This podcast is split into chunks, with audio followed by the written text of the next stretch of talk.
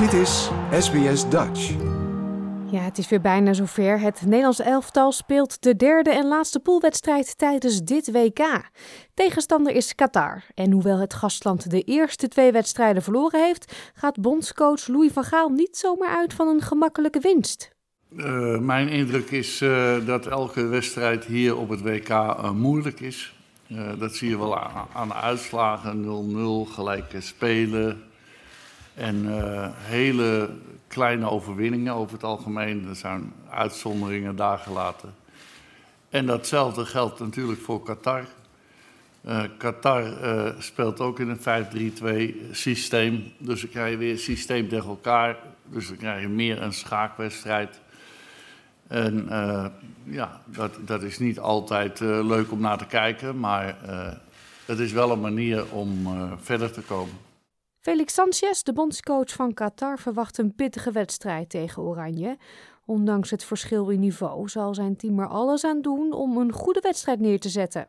Bueno, pues un partido que evidentemente cuando juegas contra el octavo en el ranking FIFA. Well, when you're playing against the eighth ranked team by FIFA and a legendary World Cup team, we expect it to be a very demanding match. They will come out wanting to win because I'm sure they want to finish top of the group to avoid potentially tougher games in the knockout phase. They will give us a tough game and we recognize the difference in level. But our aim is to play the best we can and compete, and we'll see how far we can get against a team like the Netherlands. Para poder competir con un equipo como Países Bajos.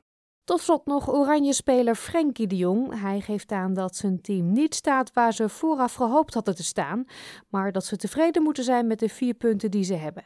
En hij is positief over het algehele niveau van de wedstrijden dit toernooi.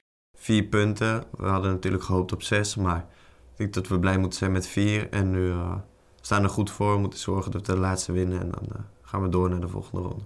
Ik denk dat het niveau over het algemeen heel hoog is ook van de ploegen waar je op voorhand misschien wat minder van verwacht. Ik denk dat die het hartstikke goed doen. Er zijn al een aantal verrassingen geweest in de groep. En uh, ja, je ziet dat het algehele niveau van het voetbal uh, omhoog is gegaan.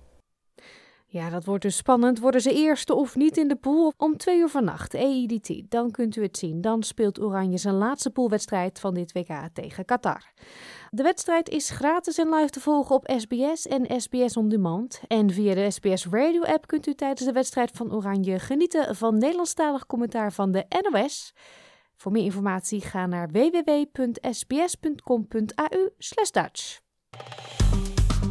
Like, deel, geef je reactie. Volg SBS Dutch op Facebook.